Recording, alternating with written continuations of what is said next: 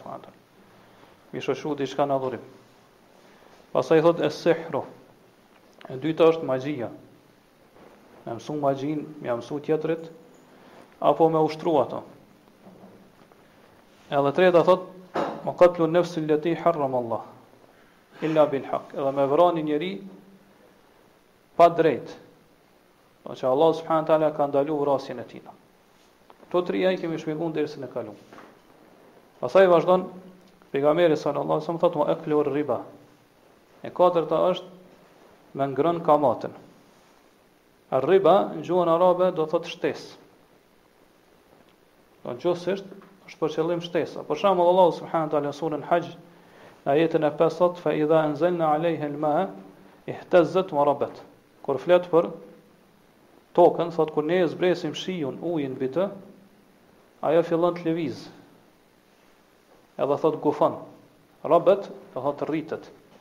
Qëllimi është, do thon pi kësaj fjale, ka ardh kuptimi i ribas, kamatës që është do thot shtesë. Kurse kuptimin e sheriatit, çka është ribaja? Alikusa.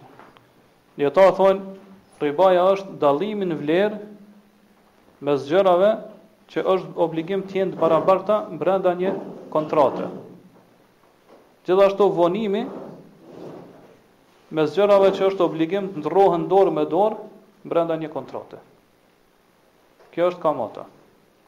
Prandaj pi këtij definicioni dijetarët kanë thonë se kamata është dy lloje. Riba fadl, ribaja e vlerës. Po këto për qëllim është mos me shtu.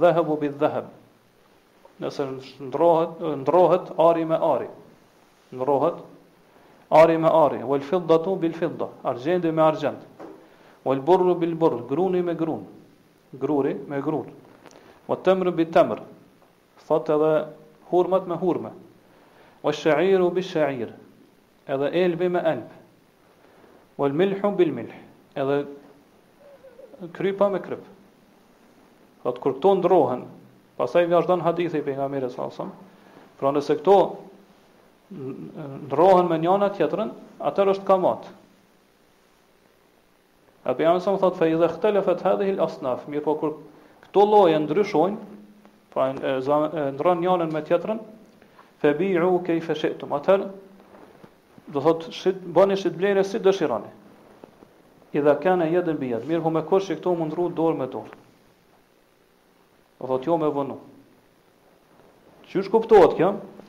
Po s'pari këto janë gjashtë lloje të kamo të produkteve, në t'cilat ndodh kamata me këtë tekst të pejgamberit sallallahu alaihi wasallam, por me këtë hadith i cili, cili tregon tekstualisht se kamata Ndodh në këto gjashtë lloje të kamo, të produkteve. Gjithashtu ka ixhma, konsensus mes muslimanëve për këto gjashtë lloje të produkteve. Prandaj nëse dikush e shet një prej këtyre llojeve, me një lloj ngjajshëm me të. Atëherë aty mundet me ndodh edhe kamata e vlerës, edhe kamata e vonimit. Për shembull, nëse një lloj e ndrron duke shtu ma shumë. Po ndrron arin me ari mirëpo Ma një e ka e shton ma shumë. Atër kjo është riba n'vlerë, nuk lejohet, është kamat. Se ke ndrru arin me arin, mirëpo ke marrë ma shumë, ose ke dhonë ma shumë. Kjo është kamat në vlerë. Ose e ndrron njëjtën vlerë, njëjtën sasi, mirëpo e vonon, nuk e merr në dorë. E merr mas një kohë. Atëherë kjo është kamatë nesie, pra e vonimit. E nganjëherë ndodh që këto dy lloje të kamatës mun të bahen bashkë brenda një shitblerje. Për shembull, e ndrron arin me arin duke pas dallim në vlerë, mirëpo gjithashtu e vonon edhe, do thotë, e merr atë pjesën tjetër të arit, pe atij që po e shet pas një kohe. Pra nuk e merr dorë për pe dorës në dorë. Po këto kemi kemi rast, do thon brenda kësaj kontrate u bë kamata dy herë. Edhe kamata në vlerë edhe kamata në vonim.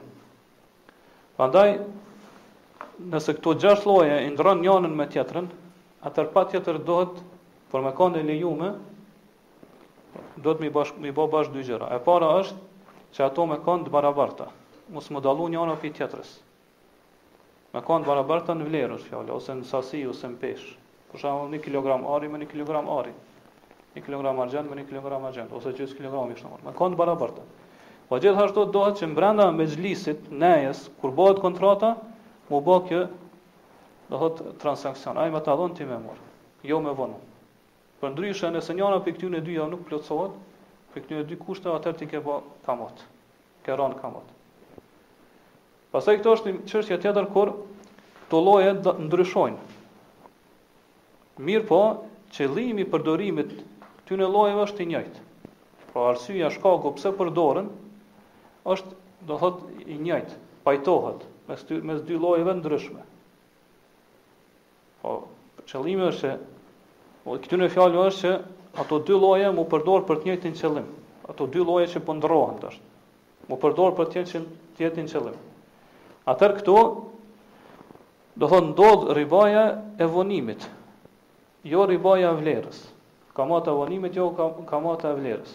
Për shembull, ndrojna arin me argjend.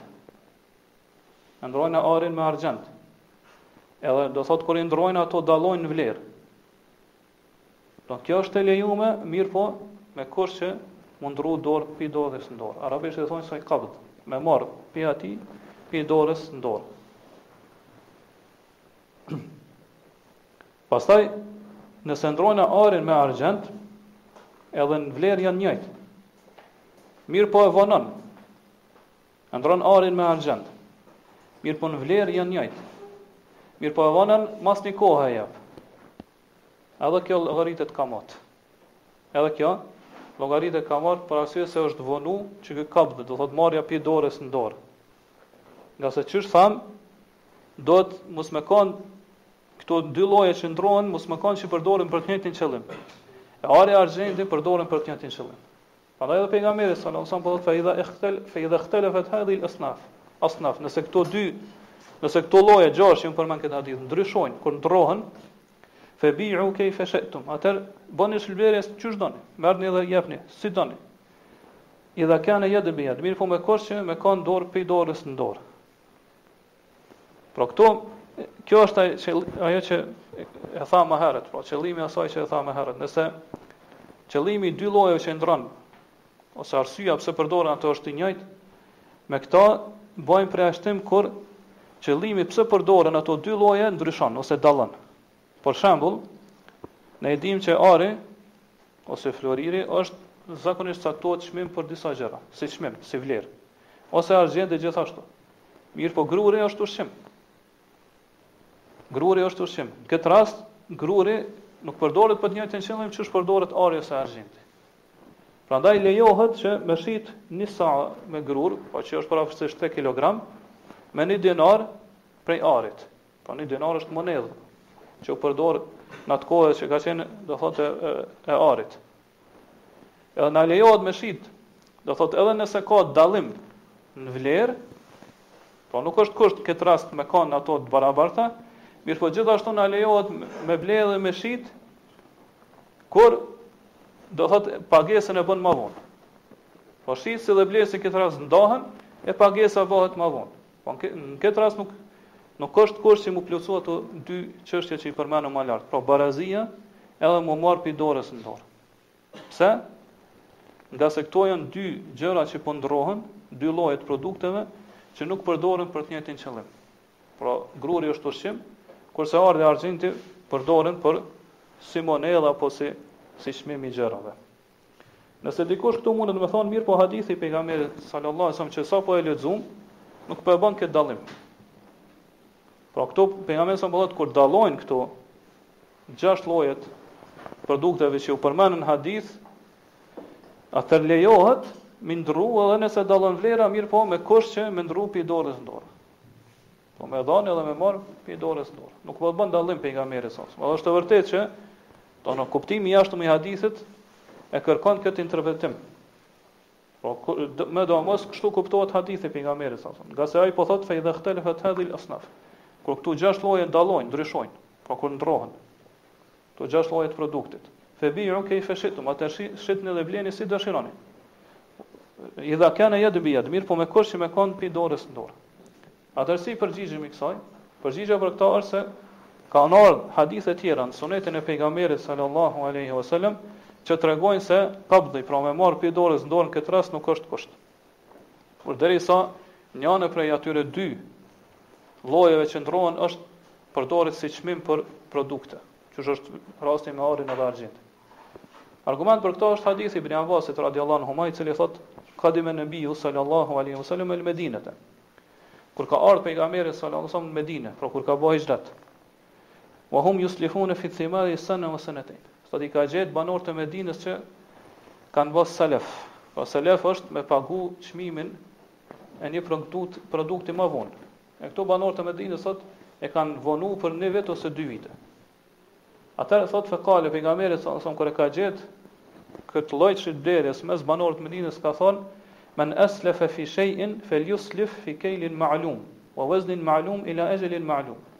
Ai që dëshiron me vonu kështu pagesën, me bë pra selef i thonë arabisht, atëherë thotë le të veprojë në një masë të caktume, po që dihet sa është ajo.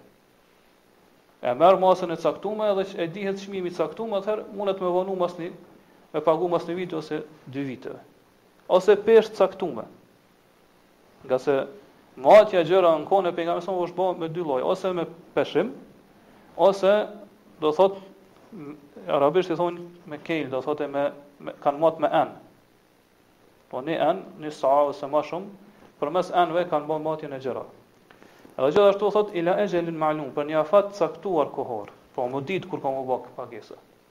Përndryshe nuk lejohet. Prandaj në bazë këtij hadithi që e lexum tash, do të kuptojna se hadithi paraardhës, pra ku pejgamberi sallallahu alajhi wasallam po thotë atëherë shitni si dëshironi kur ndryshojnë edhe dallojnë këto produkte, këto lloje, në të cilat ka kamat mirëpo me kusht me kon dorë për dorë, do me thënë ky hadith kuptimi i tij nuk na jep përgjithësim. Pra nuk është kusht Kështu që ky takabud, pra me ndrru pi dorës në dorë, me kon, mu, për mu përdor në çdo formë apo lloj prej llojeve të ndrri, të ndrrimit këtyre gjashtë produkteve që i ka përmend pejgamberi sa këtë hadith. Mirëpo, kur kushtëzohet me ndrru pi dorës në dorë, atëherë kur ato dy produkte që ndrrohen, me u përdor për të njëjtin qëllim. Pra qëllimi, arsyeja pse përdoren ato në mesin e njerëzve me, me kon një. Pra me pas pajtueshmëri mes qëllimit pse përdoren ato dy produkte. Për shembull, ari me argjend, po përdoren për mi caktu vlerën e gjërave. Apo, do thot gruri me elb, përdoren për ushqim, kanë të njëjtin qëllim pse përdoren. Mirëpo nëse, do thot qëllimi dallon, për shembull, ari me grurë ose argjendi me elb e kështu me radhë atëherë këtu nuk kushtëzohet me ndrru pi dorës në dorë. Pastaj dijetarët kanë mospajtime sa i përket llojeve tjera gjërave të produkteve që nuk u përmend në këtë hadith pejgamberi sa që janë jashtë këtyre gjashtëve. A përfshihen, a ka dhe aty kamat apo nuk ka? Medhhebi i dhahirive është që thonë nuk ka kamat veçse në këto gjashtë lloje që përmend në këtë hadith të pejgamberit sallallahu alaihi wasallam. Ngase dhahirit e dimë, do thotë si medhheb nuk e pranojnë nuk e pranojnë kijasin, analogjinë. Prandaj ata thonë që na duhet të kufizohemi vetëm në çka u përmend n'hadithin e pejgamberit sallallahu alaihi wasallam. Kështu që te, te këta për shembull nuk lejohet me ndrru grunin me oriz. Nëse, do thotë, ka dallim në vlerë mes tyre. Edhe nëse e vonon, do thotë, e vonon atë dhënien ose pagesën. Nuk lejohet thonë. Po, po, vërtet lejohet. Te dhahirit lejohet, ngase ata thonë që do thotë vetëm ajo që u përmend në hadith është ato gjashtë lloje ndalohen, kurse te tjerat lejohet. Kurse medhhebet, katër medhhebet tjera, do të thotë që njihen si medhhebet e kijasit, pra ithtarët e kijasit, që e pranojnë analogjinë në dispozitat islame, ata do thotë këtë dispozitë që u përmend n'hadith pejgamberit sa e kanë kalu edhe te produktet apo gjëra tjera. Por ai ka përjashtim prej tyre, pra bën përjashtim Ibn Akili prej Hanbelive, Allahu e mëshiroftë, i cili edhe në këtë rast ka thënë që kamata vlen vetëm për këto gjashtë lloje që përmend hadithi i pejgamberit sallallahu alajhi wasallam. Ngase ka thënë në këtë rast këtu nuk lejohet me bë kijas. Pse ka thënë nuk lejohet me bë kios? Ngase thotë dijetarët kanë mospajtime, edhe kanë kontradikta të shumta mes vete, cila është arsyeja, ose shkaku, që pejgamberi sallallahu sallam ka tregu që për, për atë arsye ka, kjo, ka kamatë në këto gjashtë lloje të produkteve. Prandaj thotë përderisa dijetarët kanë mospajtime, edhe kanë kontradikta të shumta, atëherë gjitha këto arsye që i kanë dhënë dijetarët na i anulojmë. Edhe E kufizojna tekstin vetëm qysh ka ardhë në hadith të pejgamberit sa sa. Po vetëm ato gjëra që ju përmend në hadith pejgamberit sa ato i kufizojna dhe i themi vetëm në ato ka kamatë, tjera jo. Mirëpo e sakta është do thotë ajo që e kanë thënë këto katër medhhebe të tjera, po medhhebe të njohura që ribaja apo kamata mundet me ndodh edhe në Mallrat apo produkte tjera që nuk nuk janë brenda këtyre gjashtë produkteve që i përmend në hadithin e pejgamberit sa. Ngase arsyeja ose shkaku pse pejgamberi sa ka treguar që aty ka kamatë ose është do thot peshimi edhe deponimi i atyne gjërave për me i hangër si ushqim më vonë. Po i deponon këto gjëra që me i hongër si ushqim më vonë. Po kjo sa i përket grurit, ë hurmave edhe elbit që u përmend këtu. Do të thotë pse arsyeja pse aty ka kamatë, shkaku i kësaj është se ato përdoren për një qëllim të caktuar, tri atë. Ajo është që do thotë përdoren si ushqim. Pra ose deponohen edhe më vonë përdoren hahen si ushqim, gjithashtu edhe janë gjëra që maten peshohen me me ose me peshim ose përmes atyne enëve që shepër më lart.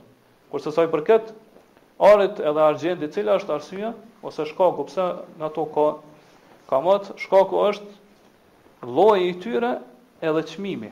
Pra që ato përdoren si çmim për gjëra të tjera. Pse na pse nuk e lëm vetëm si çmim, me thënë që kamata ndodh te ari argjendi ngase ato përdoren si çmim i gjërave tjera. Po përmes tyre caktohet çmimi apo vlera e gjërave tjera. Mirëpo thamë edhe lloji.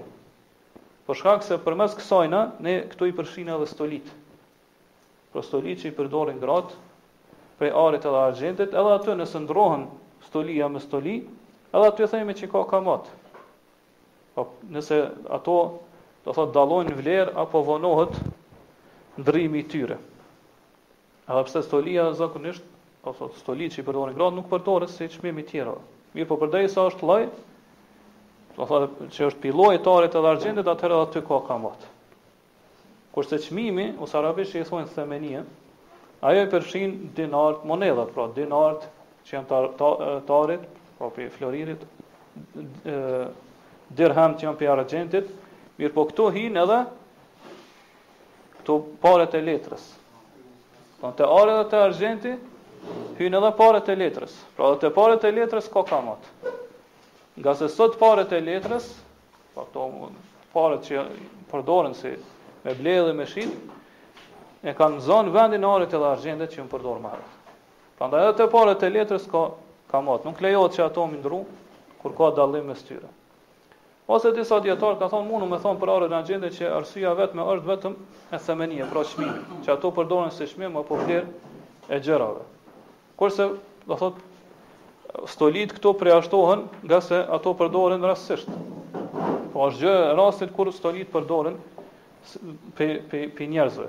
Prandaj thonë origjina te ari dhe te argjendi është se ato janë si gjëra që ose si çmim që caktohen për gjëra të tjera. Atëherë mbetet këtu te kripa.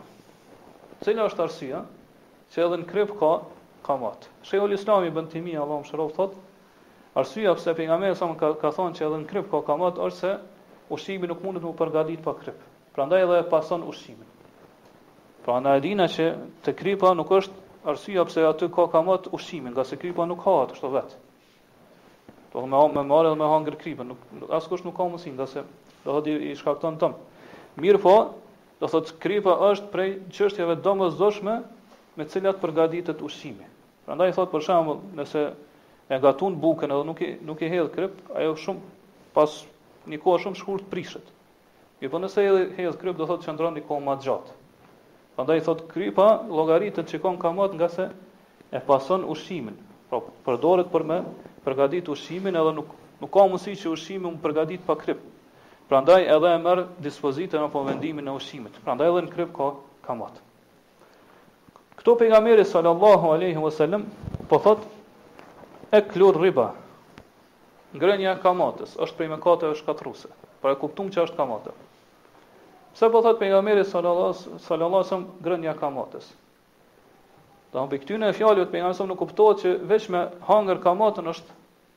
haram, kurse përdorimet e tjera të kamatës nuk janë haram.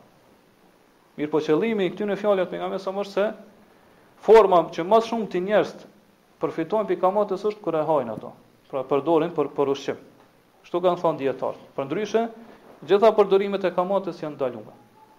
Allahu subhanahu wa taala kur fol për Benu Israilt, që e kanë përdorë kamatën, në Suren Nisa në ajetin njëqind e gjashtëdhjetë e një thotë, Wa akhdhihimur riba, wa kad nuhu anhu. Thotë edhe ata e marrin kamatën. Kurse thotë kjo ju ka ndaluar atyre, pra e kanë pas ndaluar me ligjin e Musës alaihi selam, që i ka zbritë Musës. E kanë ndaluar me marr kamatën. Këtu nuk po thotë pejgamberi sa me hangër kamatën. Po me marr kamatën ka kuptim më gjithëpërfshirës se sa me hangër. Prandaj edhe në hadithin e pejgamberit sa që është më lehtë kur po thotë këto me hangër kamatën për qëllim është me marr kamatën e me përdor ato për çështje ndryshme, jo vetëm për me hangër ato. Mirpo për çka do që të përdorsh është haram. Mirpo pejgamberi sa po tregon se forma që më shumti njerëzit përfitojnë prej kamatës është kur do thotë të përdorin ato si ushqim. Përndryshe, do thotë, edhe nëse e përdor si ushqim apo si pije, apo do thotë si shtrat, do thotë si shtroj apo rroba që i vesh, apo me ndërtu shpi, shtëpi apo në vendbanim, apo me ia dhuru tjetrit, E kështu me radhë, gjitha këto përdorime dhe tjera, gjitha përdorimet e kamatës janë ndalume. Apo dikush për shembull që e dep, i deponon paret e kamatës në shtëpi apo i lën, do thotë në bank, llogaritë bankare, krejt përdorimet e kamatës hyn këtë hadith pejgamberit sa më dhe janë ndalume. Pra është prej mëkateve shkatërruese.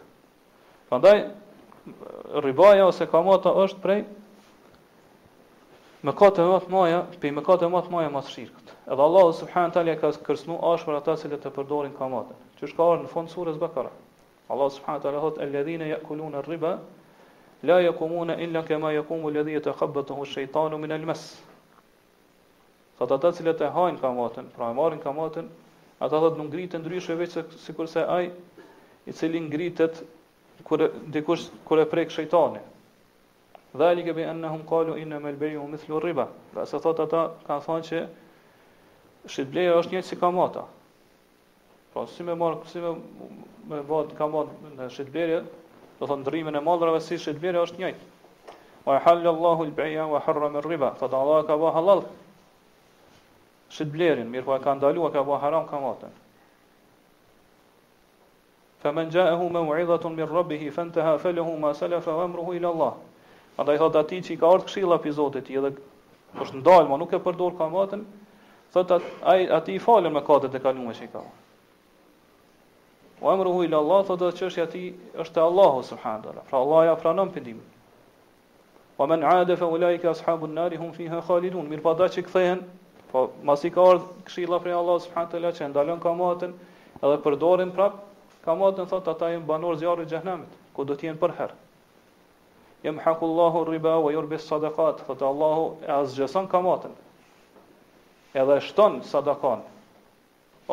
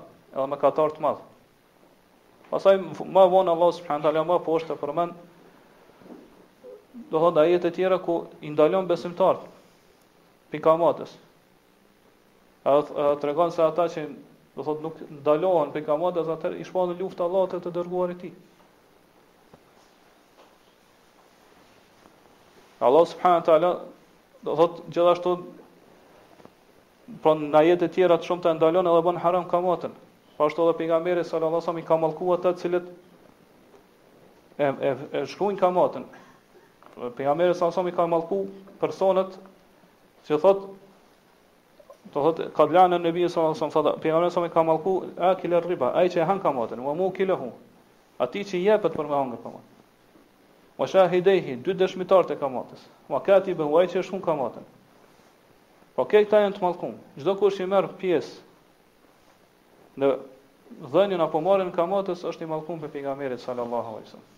Prandaj kamata është prej mëkateve më të mëdha pas pas shirkut.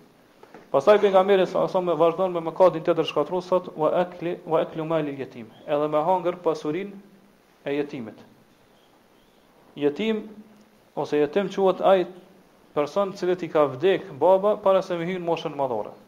Pavarësisht a është mashkull apo femër.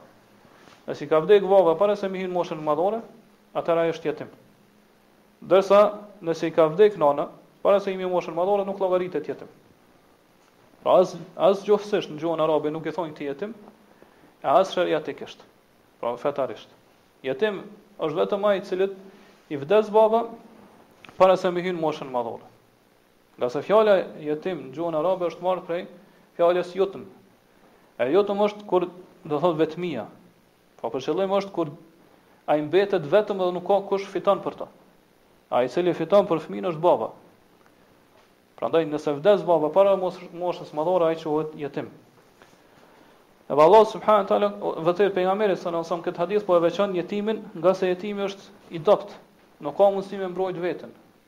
As tjerët do thotë nuk e mbrojnë ato.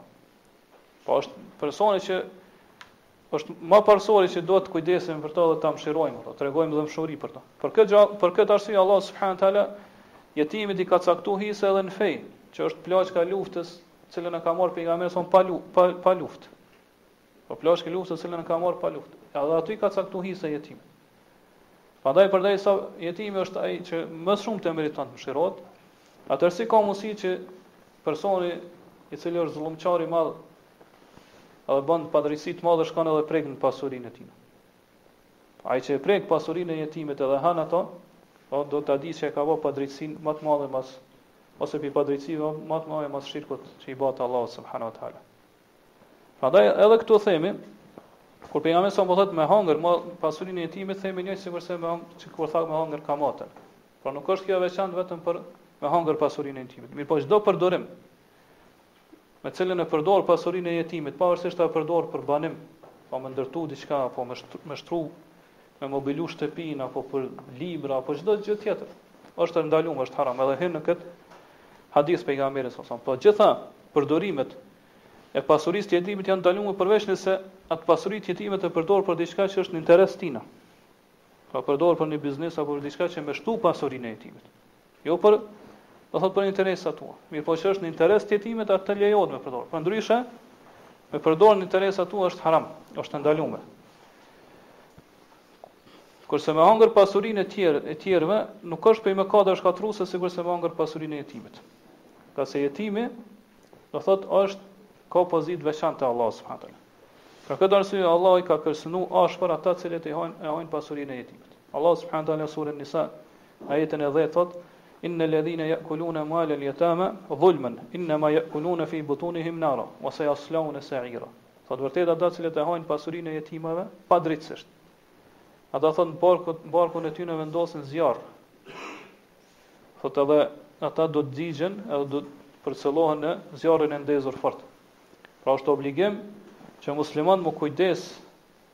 për jetimin, me u sill me mirësi me ta, ngase ai e ka humb baben, e ka humb atë dashurinë, dhembshurinë e prindit të tij. E muslimanët duhet me e kanë obligim që me me me zavendësu pra vendin e babës që e ka pas ai. Pra duke u sill mirë me ta, duke u u kujdes për ta. Nëse ka pasuri e kanë obligim që me rujt pasurinë e tij derisa ai të hyn në moshën madhore.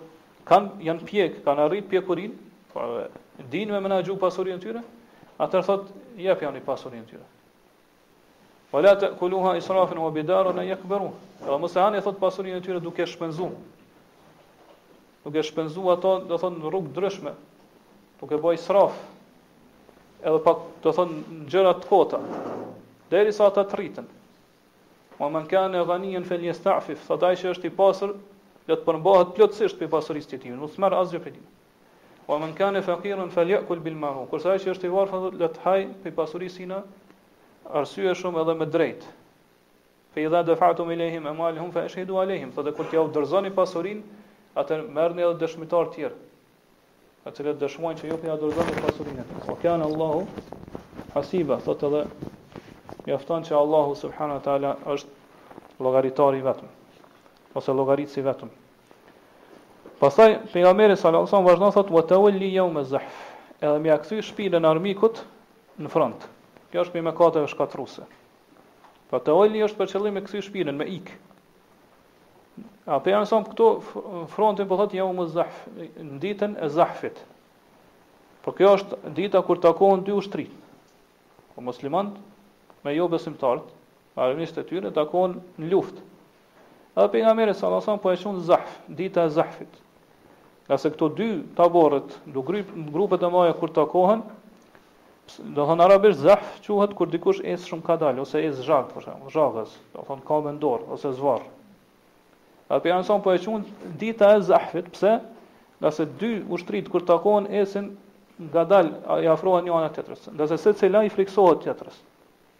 Pra frikësohen edhe ecin ngadalë derisa takohen. Prandaj edhe quhet Jaumuz Zahf.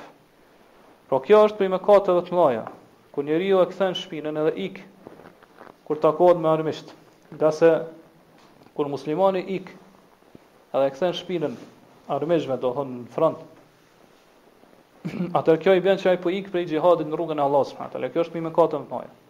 Gjithashtu kjo kërkon Që me dobësu, m'i dobësu zemrat e muslimanëve. Pra kur e shohin ata tjerë që ky po ik atëherë, do thotë zemrat e tyre i kaplon një dobësi. Pra gjithashtu i forcon zemrat e armiqve të Allahut.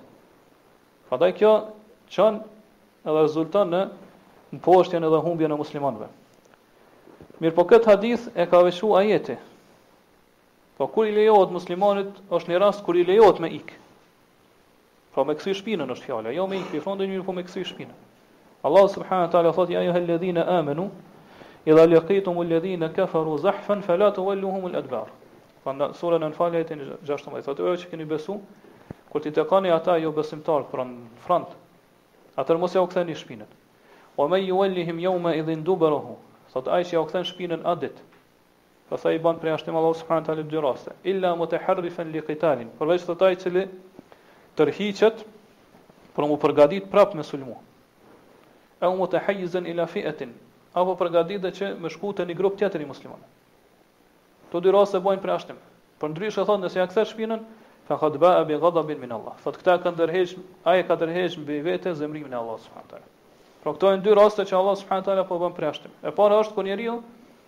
tërhiqet për me, për me sulmu rishtas. Pra shkon në një vend caktume që mu pregadit, mu forcu, ose me pregadit armatimin e tina, e kështu me radhë dhe kthehet prapë sulmu.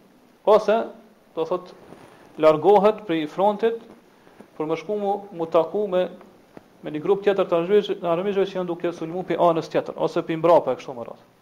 Në këtë rast nuk llogaritet që do thot ka bo mëkat të madh dhe është tërheq prej frontit. Rasti i dytë është kur shkon do thot me ndihmu një grupi tjetër muslimanve. Për shembull, nëse një grup i muslimanve janë rrethu prej, prej armiqve edhe kanë mundësi që armiku do thot me asgjësu ata krejt. Atër lejohet një grupi tjetër muslimane që janë te ushtria e madhe me shku edhe me ju ndihmu atyre. Ngase do thot nevoja kërkon këtë gjë. Mirëpo me kusht që do thot tërheqja e tyre në këtë rast mos me i shkaktu dëm ushtrisë në cilën janë. Nëse i shkakton i shkakton dëm. Edhe tërhiqen këta për me shku me i ndihmu atij grupit tjetër, po saqë dobësojnë ushtrinë në cilën janë, Edhe do thotë thehet ushtria para armikut, atëherë kjo nuk lejohet. Ngase në këtë rast thotë dëmi është diçka reale, e vërtetë që do të ka marrë gjithqysh. Kurse shpëtimi i grupit tjetër musliman, i grupit tjetër më të vogël që është i rrethum prej armikut, kjo është një gjë që nuk dihet. Ka mundësi me, me pas sukses, ka mundësi mos me pas sukses. Pra është një gjë që nuk e dimë sa do të realizohet apo jo. Ja. Prandaj qëllimi është që mu ngrit lart feja e Allahut subhanahu wa taala. E në kët nëse ndodh kjo ky dëmi, atëherë këto ne e nënshtrojmë apo poshtrojmë fenë e Allahut subhanahu wa taala. Prandaj nuk lejohet. Gjithashtu muslimanit i lejohet në mënyrë të përgjithshme me ik pi frontit, me ja kthy shpinën armikut, kur numri i armiqve është dy herë më shumë se sa i muslimanëve. Pra i lejohet ushtrisë muslimane mu tërheq.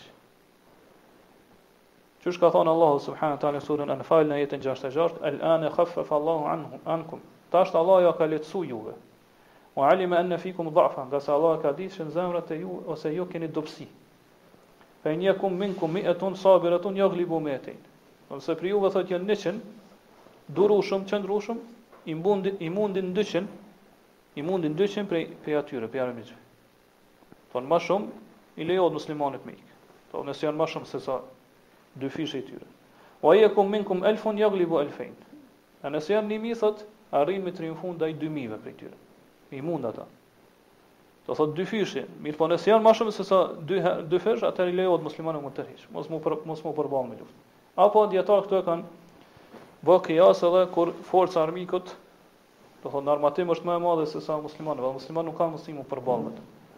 Për shembull, tash që janë aeroplanet apo teknologjia e lartë që përdoret, muslimanët nuk shumë disa muslimanë nuk e posedojnë. Prandaj thonë këtë rast lejohet që muslimanët mu tërheq, ngase nëse e dinë ata që nëse qëndrojnë edhe luftojnë, do thonë shkatrohen ata, do thotë ushtria e tyne edhe banorët e atij vendi edhe krejt, atëherë i lejohet muslimanëve, do thonë mu tërheq edhe mos me luftu. Do thonë bile thonë nuk nuk e kanë të lejuar me me qëndru aty me luftu. Nga se kjo i bjen që do thot muslimanët po e shkatrojnë vetën e tyre. Po, pastaj në këto dy ajete që i lexuam me këto dy ajete veçohet suneti pejgamberit sa. Po me ajet po veçohet suneti pejgamberit sallallahu alaihi wasallam. E kjo është ka raste të tjera në islam kur me ajet veçohet suneti pejgamberit. Mirëpo janë të pakta.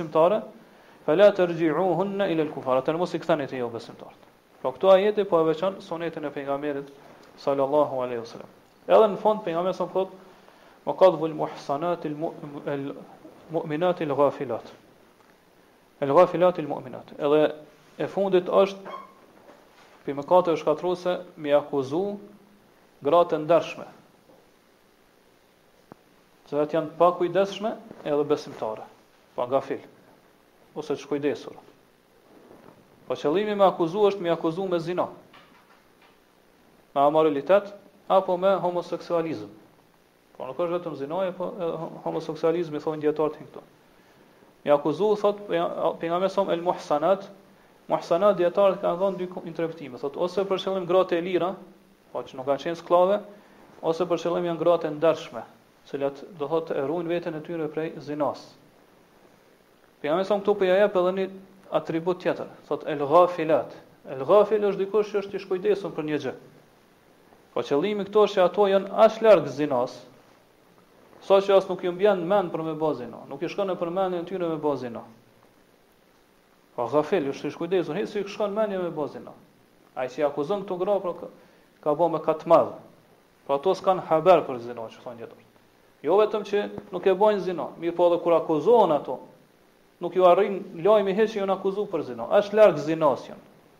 Pa po qëllimi pra këtu, pejgamberi sa është me i përshkru gratë që janë vërtet të pastërta pej zinas. Pa po që janë shumë larg zinas. Prandaj ai që akuzon gratë besimtare, pra, prandaj pejgamberi sa në fund, po thotë el mu'minat që janë besimtare, janë të ndershme, e akuzon me me, me zinë, atëherë ai është pe kjo është pe mëkateve shkatërruese. Dhe pejgamberi sa këtu po e kufzon ose po e kufizon thotë besimtare. Këtu bojnë përjashtim jobesimtaret, ngase akuza e tyre nuk është pe mëkateve shkatërruese, pra është pe mëkateve të vogla nëse dikush i akuzon edhe jobesimtaret, mirëpo jo pe mëkateve shkatërruese. Prandaj ai që e akuzon një grua që i ka këto cilësi, që i përshkruan hadithi i pejgamberit sallallahu alaihi wasallam, atëherë le ta di se e ka bërë një mëkat prej mëkateve shkatërruese. Që pejgamberi sallallahu alaihi wasallam e ka sjellë së bashku me mëkate të tjera prej tyre shirku dhe magjia e kështu me radhë. Madje ku ka shtet islam për këtë person është e caktuar edhe masa masa ndëshkimore. E që është, do thotë që ai goditet me kamxhik 80 herë.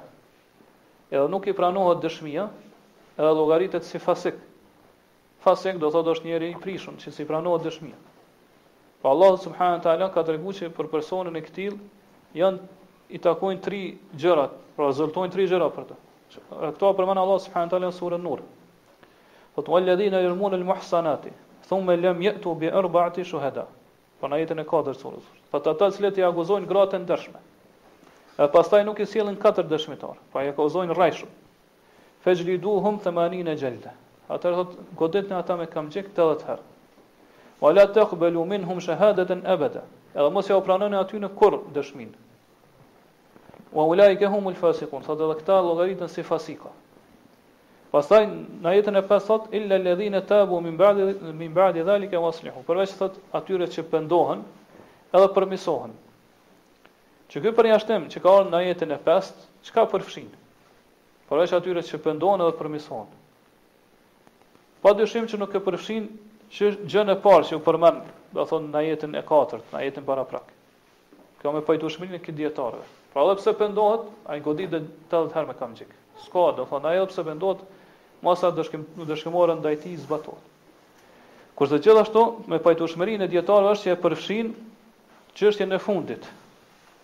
Po kur thotë ue ulaike humul fasikun, që ata janë fasika, do nëse pendohen dhe përmisohen, më nuk nuk quhen fasika, s'llogariten si fasika.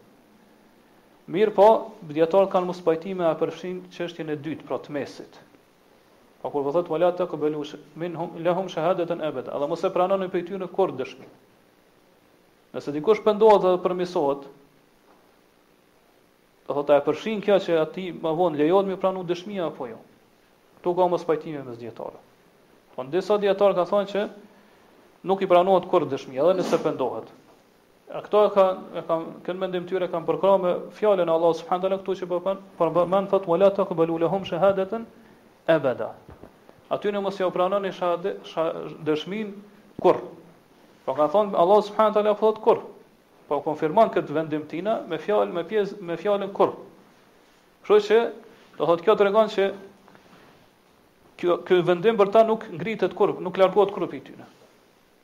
Pra ata kurrë gjatë tërë jetës derisa të vdesë nuk i pranohet dëshmia. Kurse dietar tjerë ka thonë që dëshmia pranohet. Ngase në Islam pranimi i dëshmis, dëshmisë banohet, bazohet, pranimi i dëshmisë bazohet mbi faktin se a ka njeriu fisk apo nuk ka. Nëse njeriu është fasik, nuk i pranohet dëshmia. Por nëse themi që atij ju ka larguar ky atribut, ma nuk është fasik, atëherë i duhet me pranu dëshmia. Edhe këtu Allahu subhanahu teala po thotë që përveç atyre që pendohen, pra tha me pajtueshmërinë e dietarëve është se ai më nuk llogaritet si fasik. Prandaj thonë përderisa nuk llogaritet si fasik, atëherë pranohet dëshmia. Mirëpo Sheh Uthejmini këtu sjell edhe një mendim tjetër thotë që ajo që duhet të kihet parasysh këtu është se kjo çështje duhet t'i kthehet udhëheqësit, po gjykatësit Udhëheqësi i shtetit apo gjykatësi që e ka udhëheqësi e ka caktu si gjykas për njerëz. Prandaj thotë nëse ai e sheh që është në interes edhe në dobi që mos me ju pranu dëshmia, atëherë nuk i pranohet dëshmia. Pra nuk i pranohet dëshmia në mënyrë që mi frenu njerëz, mi pengu njerëz që mos me lujt me nderin e muslimanëve, me nderin e grave të ndershme, mos me marrë këtë këtë gjë si të lehtë. Prandaj nëse nuk i pranohet dëshmia atëherë tjert, do thotë mendojnë dy herë para se ose edhe më shumë herë Para se me akuzu gruan e ndershme me me zina me amoralitet. Ngase e din që do thotë përveç që goditet tetëdhjetë herë edhe dëshmia më nuk i pranohet kurrë. Edhe do të thotë në shoq në një shoqëri islame kur nuk pranohet dëshmia, atëherë ti je prej njerëzve më të prishur. Se as dëshmi do të thotë njerëz nuk po të besojnë ty. Përndryshe, thotë Sheh Uthejmini në origjinë është se kur njeriu t'i largohet e, atributi i fiskut, pra i thurjes, po nuk llogaritet më fasik, atëherë thotë është obligim me pranu edhe dëshmin e tina. Edhe këtu kemi çështja e fundit është që kur dikush të akuzohet pra me vërtet kur dikush e akuzon një gru të ndershme me zina Edhe që do thotë i ka këto ndëshkime, i ka caktuar Allah subhanahu taala këto gjëra për to këto ndëshkime, a e përfshin kjo? Edhe kur dikush e akuzon dikon prej muslimanëve. Po për burra është fjala. Kur i akuzon, i akuzon burrat e ndershëm prej muslimanëve, a është edhe kjo pi mëkateve të mëdha. Ngase hadithi po thot vetëm grot e ndershme. Xhumhuri i dietarëve, po pjesa dërmuese e dietarëve thonë se me akuzu burrin Por imoralitet është njëjtë sikurse me akuzu gruan. Mirpo Allah subhanahu teala dhe pejgamberi salallahu alejhi ve selem këto po i veçojnë gratë, për arsye se thotë zakonisht gratë janë ato që akuzohen. Do thotë akuza zakonisht bëhet ndaj grave. Kështu ka qenë gjithmonë në historinë e njerëzimit. Gratë janë akuzuar për amoralitet. Gjithashtu thotë edhe ato laviret kanë qenë shumë në kohën para se me ardhë islami. Kështu që do thotë akuza ndaj grus është shumë më e rëndë se sa akuza ndaj burrit. Prandaj edhe Allah subhanahu wa taala në këtë ajet dhe pejgamberi salallahu alejhi ve selem në këtë hadith po e veçojnë gruan, pra do thotë po e përmendin gruan dhe jo burrin. Gjithashtu thotë kur akuzohet gruaja me amoralitet atëherë këtu pastaj vijnë në dyshim edhe fëmijët e atij burrit, a i takojnë atij apo jo. Prandaj thotë akuza e tyre me amoralitet, me me zina, do thotë sjell dëme shumë të mëdha, më shumë se sa kur akuzohet burri. Prandaj thotë se pejgamberi salallahu alejhi ve selem e ka veçu akuzën ndaj grave të ndershme, që është prej mëkateve shkatërruese, do thotë nga aspekti i veçimit ose e ka veçuar nga aspekti i se kjo gjë ndodh zakonisht ose në shumicën e rasteve. Mirëpo, do thotë kjo nuk nuk do thotë që përderisa ndodh shumicën e rasteve, mos të ndodhë mos ndodhë te burrat. Pra, po, ka raste që edhe burrat akuzohen për imoralitet. Pra, thjesht pejgamberi salallahu alejhi ve selem ka dashur me tregu me sqaru atë një gjë që është aktuale ose një gjë që është reale që kjo zakonisht do thotë këto akuza ju drejtohen grave. Mirëpo, edhe nëse akuzohet burri, prap do thotë kjo është prej mëkateve shkatruese. Sidoqoftë, do thotë pjesa me të cilën e hadithit me të cilën dëshmohet për temën që e ka sjellë autori, pra që është tema rreth argumenteve që janë përcjellë për magjinë, është do thot pjesa ku pejgamberi salallahu alejhi ve selem thotë që mëkate prej mëkateve shkatruese është edhe magjia. Pra ai që e mëson magjin ose ja mëson tjetër të tjerëve ose e ushtron magjin, atëherë ai siç kemi thënë dersën e kaluar, në dersën e kaluar, përveç që ka bë mëkat shkatrues, ai ka bë edhe shirk.